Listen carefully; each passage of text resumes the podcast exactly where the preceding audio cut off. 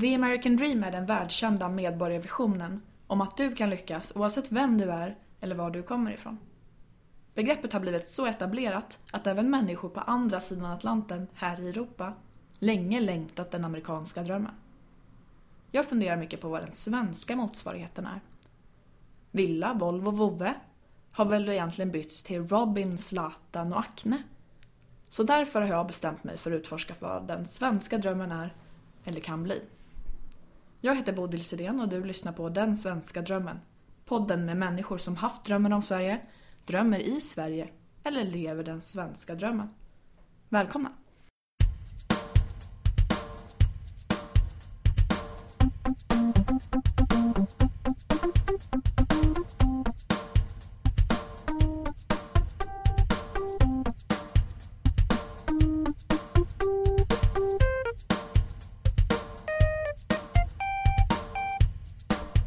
Söndag, nytt avsnitt och första maj. Jag ska inte gå i något första maj-tåg, men däremot så ska vi faktiskt snacka om den svenska modellen här idag. Med min favoritfackordförande. Dagens gäst är Eva Nordmark. Eva är sedan 2011 ordförande för TCO. Innan det var hon förbundsordförande för SKTF och innan det var hon riksdagsledamot för sossarna. Eva har varit medlem av regeringen Reinfeldts framtidskommission och kommer från Luleå. Hej Eva! Hej! Hur mår du? Jag mår jättebra. Vad bra. Eh, har du fullt upp nu i avtalsrörelsetider? Jag har ganska fullt upp, men eh, i min roll som ordförande i TSO är jag ju inte inne i förhandlingarna på det sättet. Så att jag har nog mer ett helikopterperspektiv och försöker följa med vad som händer. Mm. Och det händer mycket. Eh, bland annat så diskuteras ju svenska modellen väldigt mycket. Eller svenska partsmodellen, som kanske du vill prata om. Eh, hur skulle du beskriva den svenska partsmodellen? Vad är den för dig? För mig är den svenska partsmodellen en riktigt bra eh, vinna-vinna för både fackföreningar och deras medlemmar och eh, arbetsgivarna. Eh, det handlar om att vi tillsammans Eh, kommer överens om de villkor som ska gälla i en bransch. Eh, det har varit väldigt framgångsrikt för Sverige om man tittar tillbaka i tiden också. Eh, att vi tar det här ansvaret som fack och arbetsgivare. Det har gett, det har gett oss både reallöneökningar, alltså förbättrade villkor för de människor som arbetar. Det har också gett företagen konkurrenskraftiga villkor. Eh, och när jag jämför, jag sitter i Europafackets styrelse, och när jag jämför med många andra europeiska länder där, där politiker går in och ska styra hur villkoren ser ut, eh, löner och andra villkor, eh, så är det ingenting som jag skulle föredra. Vi har väldigt få konfliktdagar till exempel på svensk arbetsmarknad. Alltså vi, vi förhandlar och vi ser till att vi får stabila spelregler över tid. Det är egentligen det det tycker jag handlar om. Mm. Skulle du säga att vår svenska modell är den bästa modellen i Europa? Eller finns det någon som vi skulle kunna inspireras av? Alltså jag tycker ju att vi har den bästa modellen. Um, ibland pratar vi också om den nordiska modellen även om det skiljer sig åt. Eh, sen ska man ju aldrig vara så kaxig att man inte ser att man kan hitta inspiration och lära utav andra.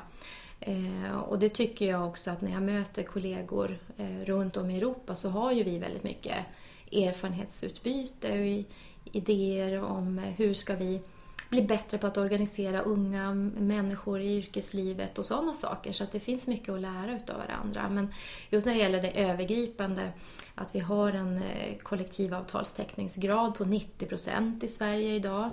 Eh, att både fack och arbetsgivare är välorganiserade och på det sättet också tar ett stort eh, samhällsansvar. Det är ingenting som jag skulle vilja byta ut. Ni ökar i medlemmar, eller hur? Ja, det gör vi. det vill jag gärna prata om. Det vill jag gärna prata om. Ja.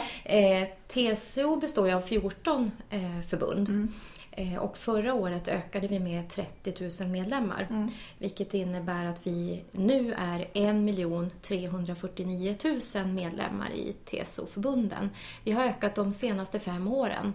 Eh, det är ingenting som kommer av sig självt. Det kräver väldigt mycket hårt arbete. Så För jag... det ser inte ut så hos alla milt uttryckt. Till exempel LO har väl ja, men, blir väl mindre och mindre ja. som andel.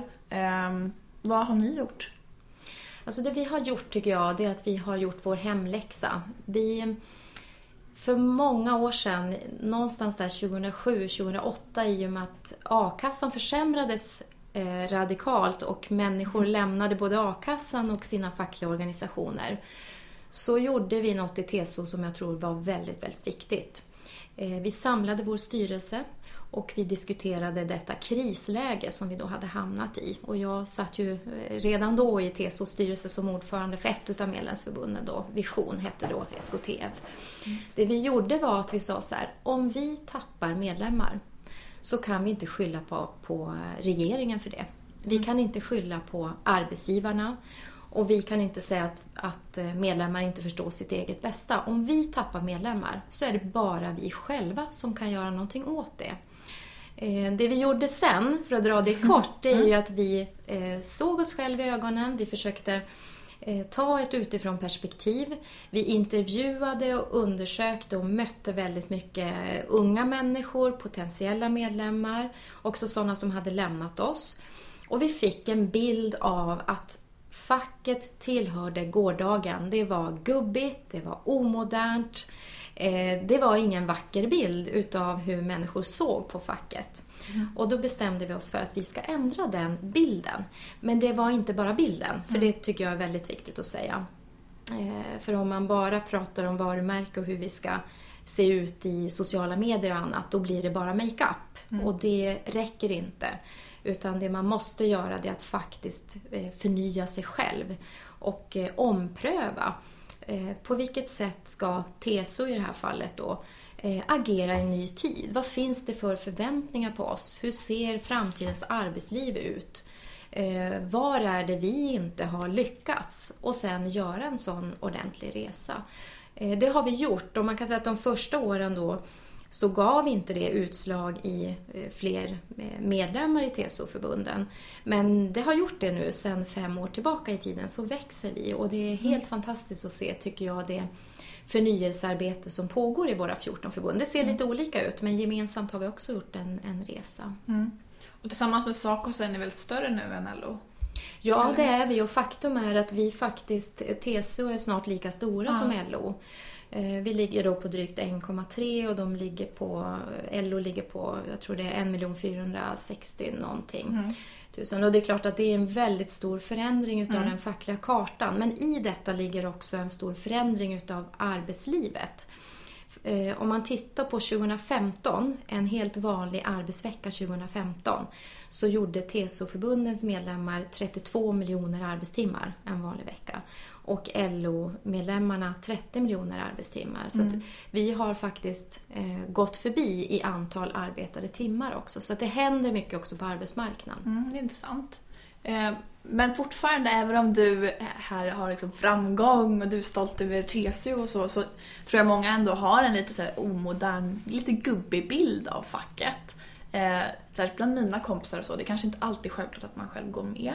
Eh, vad tror du att eh, de andra behöver göra? Behöver liksom facken generellt moderniseras eller tycker du att det är bra nu?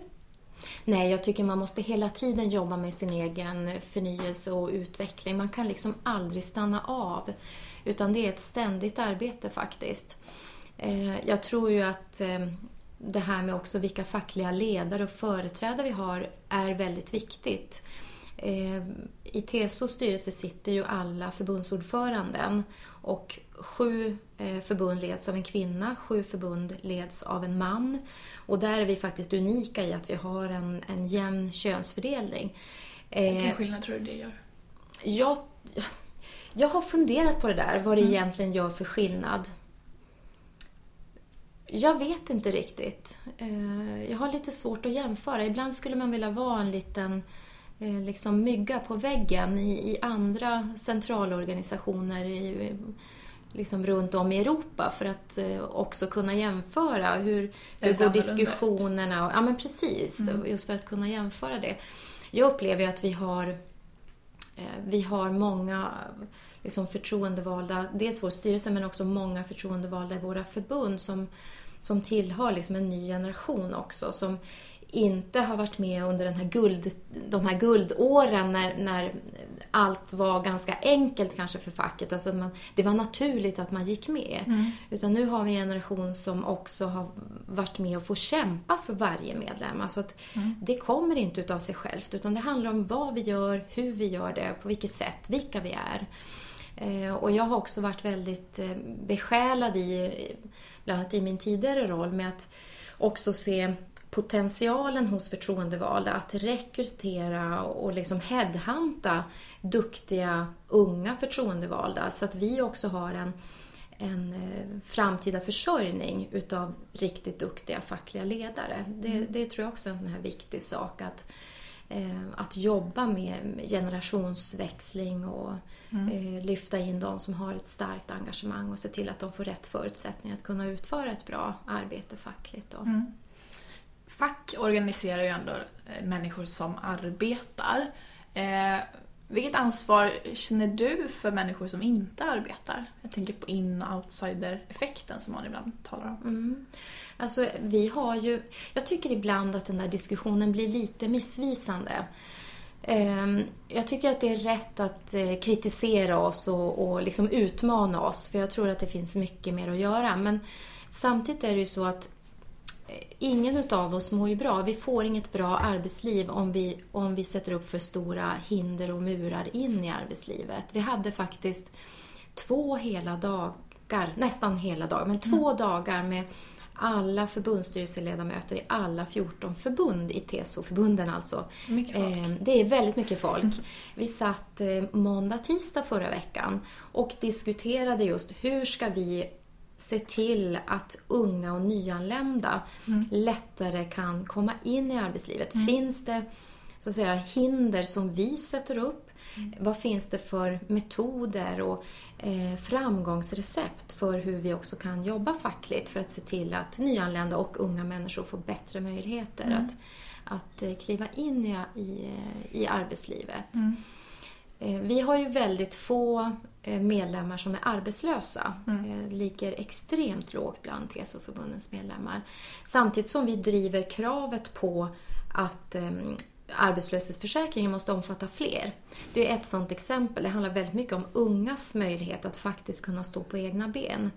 Eh, så det är en fråga som, om jag bara tittade på de vi organiserar, inte skulle vara jätteviktig. Men, men för arbetsmarknadens funktionssätt och för de unga som ännu inte har fått in en fast fot så är det en viktig fråga. Därför driver vi den. Så det är ett sådant exempel. Mm. Men höga ingångslöner, vissa fack säger till och med nej till snabbspår. Vi har läskiga exempel här men från liksom tidigare där man kanske inte ville ha människor som arbetade för andra länder och så eh, i andra fack. Eh, vad är ni beredda att göra där? För, för det måste ju göras mycket nu när det kommer många människor till Sverige och så. Men vad är ni beredda på att liksom kompromissa kring eller tänka nytt kring när det handlar just om just trösklarna in till arbetsmarknaden? Jag, vet, jag tror att eh, den, den kanske viktigaste tröskeln det är ju den eh, utbildning man har med sig för att kunna komma in i, i arbete. Eh, där ser vi ju nu, vi som sagt jobbar ju med snabbspåren på lite olika sätt. Eh, och just nu är vi väl uppe då i åtta stycken snabbspår mm. där både fack och arbetsgivare då har försökt identifiera vad gör vi inom just de här yrkesgrupperna för att underlätta för dem som kommer till Sverige att snabbt eh, liksom kunna eh, kliva in i den här yrkesrollen med rätt förutsättningar då. Och jag måste säga att det är ett jättestort engagemang kring det, kring hur mm. kan vi hjälpa till, hur kan vi stötta upp? Det finns också andra exempel på vad vi kan göra som, som fackliga organisationer. Vi har ju 96 000 förtroendevalda i TSO-förbunden som Oj. finns i hela Sverige. Mm. Och det är en enorm kraft i att eh, mm. så många har, precis som jag, valt att ta på sig ett fackligt förtroendeuppdrag.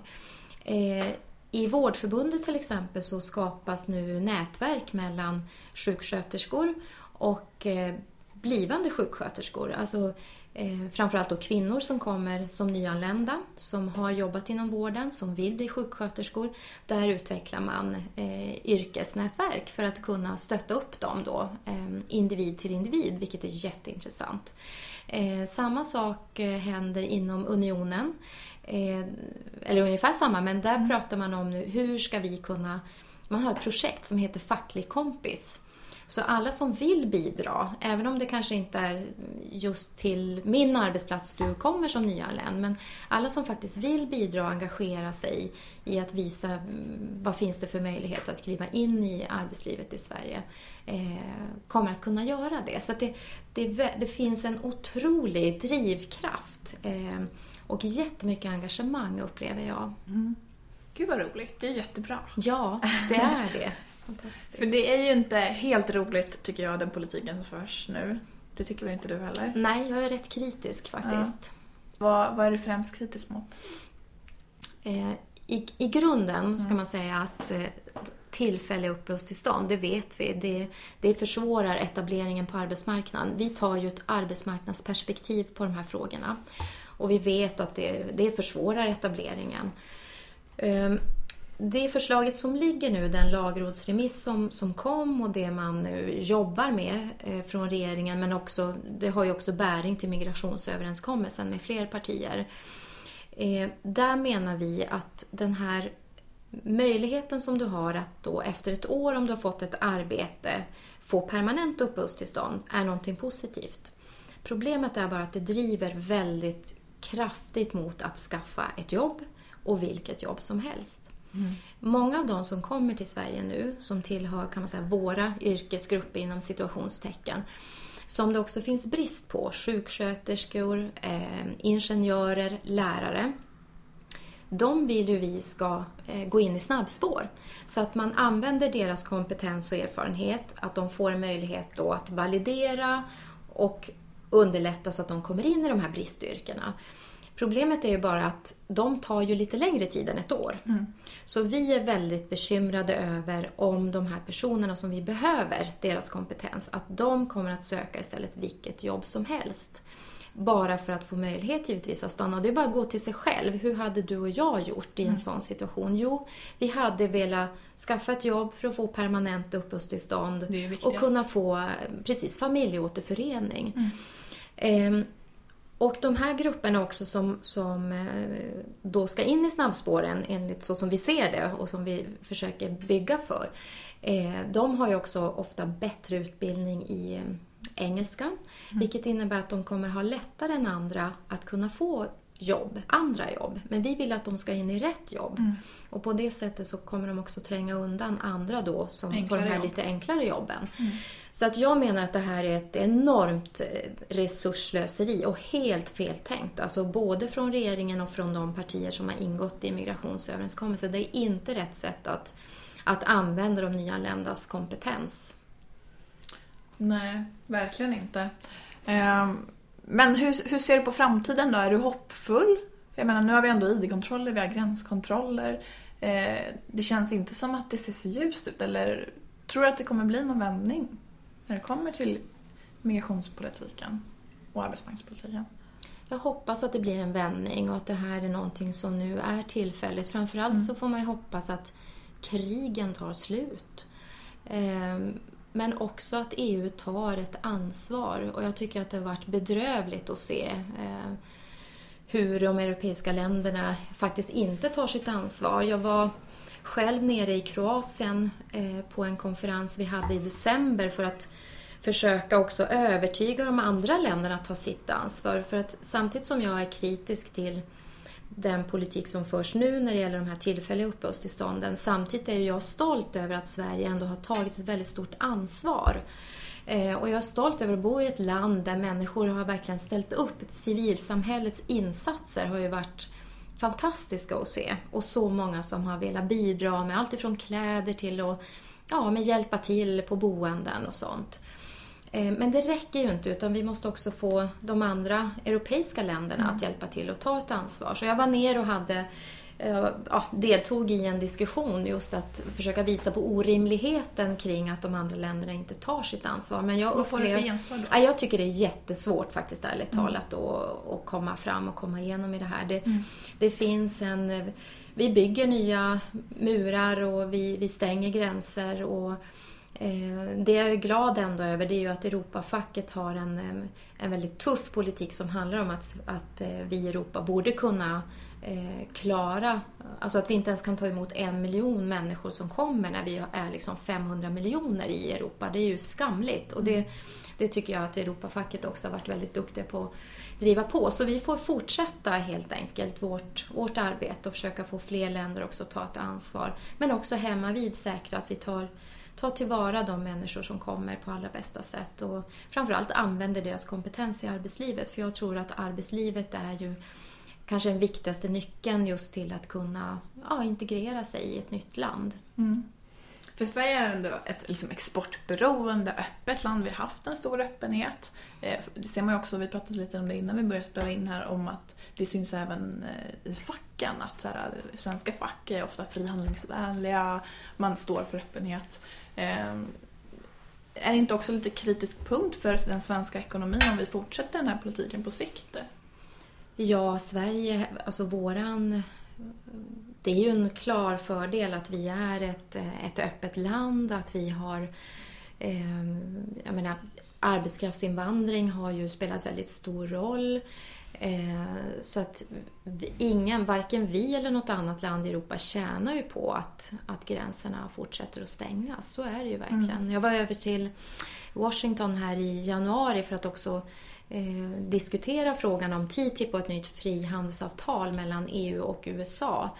Eh, och det är klart att varför vi, de svenska fackföreningarna, är väldigt positiva också till, till frihandel eh, och inte räds strukturomvandlingar, det är ju att vi också har, ett, ett, eh, har haft liksom ett väldigt bra trygghetssystem i form av bra arbetslöshetsförsäkring, en aktiv arbetsmarknadspolitik, möjlighet att kunna gå vidare eh, i arbetslivet om du förlorar ett jobb. Så att den här omställningen som faktiskt sker i och med att vi är ett öppet land och att vi är för konkurrens och att frihandel är någonting positivt, det utvecklar ju samhället. Och vi som fackliga organisationer har kunnat vara väldigt positiva till det därför att det också har kommit löntagarna till del på mm. ett annat sätt än vad det har gjort i andra länder. Jag tror mm. det är viktigt att komma ihåg. Och det, det blir ju tydligt för mig när jag möter kollegor, till exempel i USA, som har andra erfarenheter. Att när man eh, jag tror det var NAFTA-avtalet där man förlorade otroligt mycket arbetstillfällen och där människor faktiskt blir fattiga. Det är klart att, att facket då har, kan ju inte ha legitimitet från sina medlemmar att säga att det här är någonting positivt. Att det, jag tror det är viktigt att förstå just det att vi har ju en annan modell som särskiljer sig och det gör också att vi kan eh, vara mycket mer positiva och öppna för det. Mm. Du har varit riksdagsledamot ja. för Socialdemokraterna. Det var ju för sig ganska länge sedan. Mm. Eh, det är 18 år sedan. Ja, ja, det är lång tid. Det är länge sedan. Vad gjorde du då i riksdagen? I riksdagen? Ja. Ja, jag bråkade bland annat om a-kassan. det Även som, då? Jag tycker det har förföljt mig. Jo, det fanns faktiskt ett förslag då från den socialdemokratiska regeringen att man skulle begränsa a-kassan att om man var under 20 år så skulle man inte vara berättigad till a-kassa. Och det var jag väldigt upprörd över så att jag eh, drev rätt hårt då att eh, detta i så fall skulle vara åldersdiskriminering. Man drog tillbaka det här förslaget sen vilket var väldigt bra så det blev Jaha. aldrig ett skarpt läge. Nej, men jag engagerade mig, tror jag, mest i utbildningsfrågor. Eh, mm. eh, jag satt i lagutskottet. Eh, men det var, ja, det var en jättehärlig tid tycker jag. Jag lärde mig väldigt mycket och det mm. var ehm, jag var också väldigt mycket då ute såklart i Norrbottens län, för jag är ju från Norrbotten mm. och eh, född och uppvuxen i Luleå. Mm. Och då blir man ju hela länets riksdagsledamot. Ett stort var, län. Ja, det är, väldigt, det är 25 procent av Sveriges yta, så det var en del mil man fick nöta på där på helgerna. Liksom. Eh, men jag var väldigt ung. Jag var ju 23 år när jag kom in i mm. riksdagen. Jag måste tänka, ja. Mm. Eh, och det var en jättehäftig start, mm. eh, givetvis. På, jag hade jobbat på Försäkringskassan innan eh, och så mm, pluggat. Eh, men det var en, det var en ja, jättehärlig tid. Men ja. det blev svårt eftersom jag blev mamma under den här perioden så mm.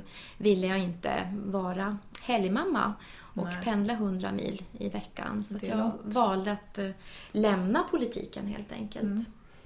Och sen dess så har det väl mer eller mindre varit fackligt?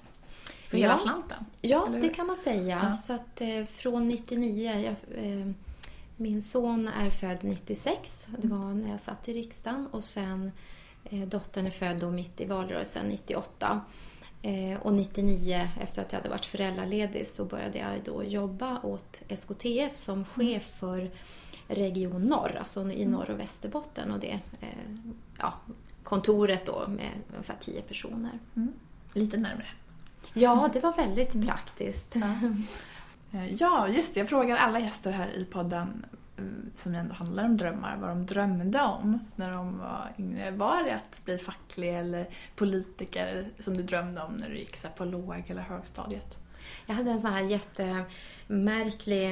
Eh, antingen ville jag bli statsminister eller så ville jag bli reseledare vet jag också. antingen eller? Ja, och någon gång så tänkte jag det att ja, men ibland kan jag nog tänka att det uppdrag jag har nu är lite grann in between. Alltså jag får ändå, jag får ändå jobba med samhällspåverkan och jag reser en hel del. Eh, inte minst till Bryssel då, eh, mm. givetvis i och med att jag sitter i Europafacket och, och mycket av frågorna avgörs där. Ja. Eh, men det var väl det jag tänkte ungefär. Då blev det väl nästan så? Ja, det blev nästan så. Ja. Fortsätter du drömma nu? Eller vad, lever du din dröm i ditt jobb? Alltså jag, jag, tycker att jag har en fantastisk möjlighet att påverka samhällsutvecklingen. Ehm, TSO kan spela väldigt stor roll. Ehm, det som är häftigt tycker jag med min organisation det är att vi är partipolitiskt fristående. Vi har medlemsgrupper som finns i privat sektor, offentlig sektor, många olika yrkesgrupper. Mm. Vi har de som är anställda, vi har ungefär 200 000 chefer, allt fler egenföretagare. Mm. Och det där betyder ju att när vi ska processa en fråga och ta ställning då måste vi ta hänsyn till alla de här olika intressena. Det är ju supersvårt. Ja, det är, ibland är det supersvårt. Men när vi väl har processat klart när vi väl har kommit fram till ett ställningstagande och en politik som vi driver så ligger den väldigt ofta nära det som är politiskt möjligt att genomföra. Mm. Eftersom vi har varit tvungna att ta hänsyn till alla de här olika intressena. Mm. Eh, just nu håller vi på att jobba med en ny skattereform. Ja, just det. Eh, det är ju ett superspännande arbete. Vi, vi har några sänkta skatter där. Ja, det kanske blir sänkta inkomstskatter där. Vi får se. Men, det vore väl trevligt? Ja, eh, det vore det faktiskt, börja tänka lite nytt. Framförallt så vore det väldigt trevligt om vi kunde få en, en debatt som är lite mer långsiktig kring vad betyder eh, skattesystemet för framtiden? Alltså hur ska vi hur ska vi i en ny tid med globalisering och digitalisering eh, se på skattesystemet? Och jag tycker att politiken just nu är det blir väldigt kortsiktigt. Det blir mm. liksom mm. i bästa fall mandatperioden ut, eh, i sämsta fall nästa budget. Mm. Eh, och jag tror att vi behöver, att Sverige har behov av att tänka lite mer långsiktigt och försöka ändå eh, ja, komma överens i de långsiktiga frågorna som skapar stabilitet för Sverige. Mm. En anledning till att jag gör den här podden, Den svenska drömmen, är ju att jag jagar lite just efter det där. Att hitta någon kapp mappa över ja, men vad, vad innebär egentligen eh, det att drömma i Sverige? Vad kan man samlas kring? Vad vill vi på sikt? Vart är vi på väg? Eh, det är också en fråga som alla får, eh, om man får beskriva den svenska drömmen med ett ord. Vilket det skulle vara? Vilket skulle du välja? Då skulle jag nog säga utvecklingsmöjligheter. Alltså jag tänker så här, in, individen oavsett vem du är mm. eller vilka dina föräldrar är eller var du växer upp i Sverige så ska du ha möjlighet att få en bra utbildning som gör att du kan skapa ditt liv och få goda förutsättningar att formulera dina egna drömmar. Eh, och jag ser att den där drömmen behöver inte ta slut för att man är 25 och har just fått sin utbildning och det jobb man eh, har tänkt sig när man är ung. Utan jag skulle vilja se just den här möjligheten att faktiskt under ett helt yrkesliv kunna drömma om vad är nu nästa steg när jag har jobbat som ingenjör ett par år eller när jag har varit journalist eller polis. Vad skulle jag kunna utvecklas och göra sen? För jag tycker att eh, vi, har, vi lever fortfarande med det här att man, man utbildar sig i unga år och sen eh, jobbar man i ett yrke resten av sitt liv. Guldklockan. Guldklockan, bort med guldklockan säger jag. Utan låt oss få möjlighet att växa och utvecklas genom ett helt yrkesliv. Jag tror också att det är helt nödvändigt om vi ska jobba allt längre, vi blir allt äldre. Vi behöver av olika skäl ställa om därför att samhället förändras och arbetsmarknaden förändras. Och då ska alla ha möjlighet att kunna göra flera sådana resor genom ett helt liv. Mm. Det tror jag är jätteklokt. Och också kopplat till, som du också pratar mycket om, med liksom digitalisering och liksom framtidens arbetsliv och så. Att man kanske inte alltid kommer behöva jobba guldklocka utan att tvärtom så behöver man kunna ställa om. Mm. Du har fått frågan förut, vi pratade om innan också, alltså, vilka jobb kommer finnas kvar? Ja, jag skulle i alla fall vilja säga så här. Jag vet faktiskt inte. Därför att det är ju, om man går tillbaka tio år i tiden mm. och tänker hur snabbt utvecklingen har gått redan nu så, mm. så ja, det är svårt att säga om hur exakt det, det, kommer att se ut. Men det jag tror i alla fall det är att vi kommer att ha en utveckling där jobben som sådana kommer att utvecklas i väldigt snabb eh, takt. Mm. Eh, de behöver inte försvinna för det, men jag ser ju att, att de medlemsgrupper som finns inom TCO-förbunden, deras jobb förändras varje dag. Ehm, på teatern så är, kan sufflören vara digital. Eh, polisen får helt andra typer av brottslighet som de ska hantera över nätet och eh, globalt och så. Alltså det sker jättesnabba förändringar varje dag. Ehm, en del jobb kommer att försvinna säkerligen med digitaliseringen. Mm. Men jag tror också att det kan skapa möjlighet för nya, jobb, som utvecklas. Därför mm. att våra behov kommer se annorlunda ut. Mm. Och det, det finns framförallt, tror jag, väldigt mycket möjligheter som vi ska hjälpas åt att utforska. Mm. Ehm, jag vill inte ställa mig till den här kören som säger att ja, hälften av alla jobb kommer försvinna och sådär. Det tror inte jag på, för så har det aldrig sett ut tidigare heller. Det är bara det att omställningstakten går så mycket snabbare nu i och med digitaliseringen. Så jag ser väldigt positivt på framtiden. Mm. Ehm, Hur förbereder man sig på det? Vad tror du? Vad ska man göra? Jag tror att man ska vara eh, beredd att utvecklas genom yrkeslivet. Ehm, beredd att fylla på med ny kunskap eh, vid sidan om sitt arbete. Eh, jag tror att det behövs bättre möjligheter att kanske ibland, vissa perioder, jobba deltid för att fylla på med ny kunskap. Både för att klara det jobb man idag har, men också för möjligheten att kunna jobbhoppa, vilket vi pratar jobbhoppa. rätt mycket om i TCO. Mm. Möjligheten att jobbhoppa är viktig. Och eh, faktiskt nästan ja, hälften utav TCO-förbundens medlemmar säger att de under det senaste året har funderat på att byta jobb. Så att det finns mm. ju också väldigt mycket möjligheter i att många har en vilja att testa någonting nytt och utvecklas mm. och göra karriär. Mm. Och det handlar inte om till viss del kan det handla om att några inte trivs, att man tycker att nu, nu räcker det liksom med det här jobbet.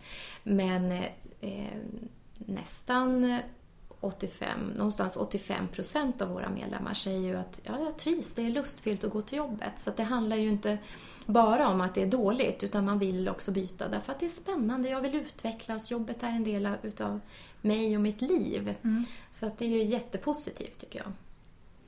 Kul. Undrar vad man ska jobbhoppa till? Ja. det finns väl... Du kommer nog ha flera möjligheter, tänker jag, genom livet att göra det. Jag hoppas det. TSO ska kämpa för det i alla fall. det är bra. Ja. Tack. Jag tänkte vi skulle avsluta med att prata lite grann om jämställdhet. Det vet jag att både du och jag brinner för ganska mycket eh, kopplat till just arbetsliv. Mm. Hur tror du att vi får ett mer jämställt arbetsliv? Jag tror att det är jätteviktigt att eh, kvinnor börjar arbeta i lika stor utsträckning som män. Jag tycker att det är ett stort problem att eh, Eh, när barnen har kommit så eh, tar vi inte bara den stora delen av föräldraförsäkringen. Det har vi diskuterat väldigt mycket.